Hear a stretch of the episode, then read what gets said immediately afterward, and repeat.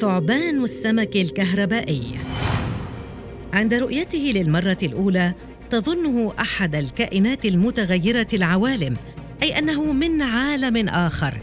قد تظنه فضائيا لغرابة شكله وقد تظنه أفعى تسري وسقطت عن غير قصد في الماء. لكن ما سيفاجئك هو خطورة هذا الثعبان الذي لا يتميز بالسمية بل بكهربائه اللاسعة. نعم الكهرباء. هذا ما يختص به.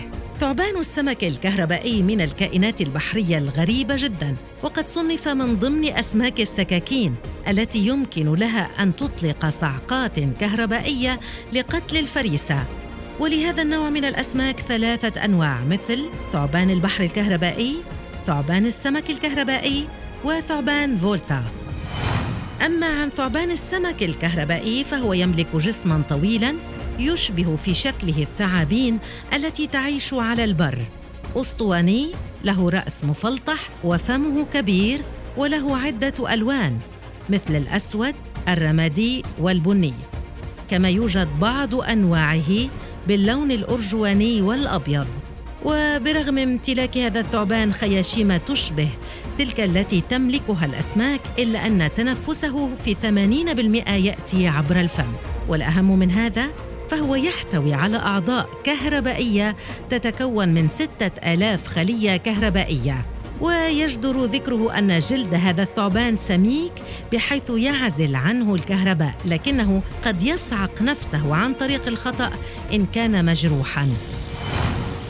عموما لهذا الثعبان حاسة سمع قوية وممتازة مقارنة بالمخلوقات البحرية الأخرى.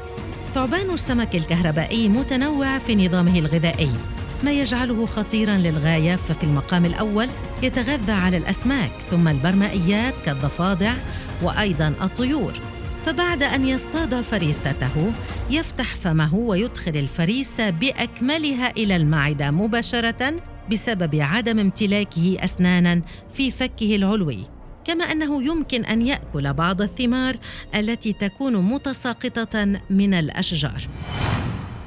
يتواصل الثعبان الكهربائي عن طريق إصدار بعض الإشارات التي يصدرها من أحد أعضاء جسمه كما تساعده هذه الإشارات على جذب الشريك والعثور على فريسة والدفاع عن النفس وبالطبع للتوجيه بسبب ضعف نظر هذا المخلوق.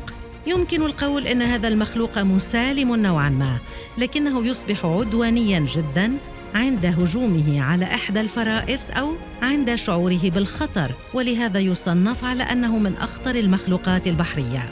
هذا الثعبان نشيط ليلا وغالبا ما يبقى ساكنا ليتسنى له استخدام كل طاقته الكهربائية عند الهجوم. عموما يعد موسم الجفاف موسم التكاثر لهذه الثعابين حيث يبني الذكر العش عن طريق لعابه لتأتي الأنثى وتضع بيوضها بداخله والتي تصل إلى 1200 بيضة. ويقوم الذكر بالدفاع عن البيوض باستماتة حتى تكبر الصغار.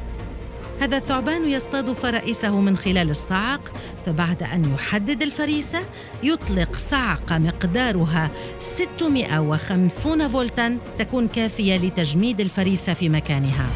فيستطيع أن يرسل إشارة عصبية للخلايا الكهربائية عن طريق ناقل عصبي خاص فينشأ تيار كهربائي بين الخلايا استعدادا للصعق وعليه يعتبر هذا الثعبان خطيرا للغاية ولا ينبغي الاقتراب منه حين رؤيته. بالرغم من كل هذا الخطر فهو مخلوق مغر للاقتناء في بعض الأماكن والمتاحف المائية.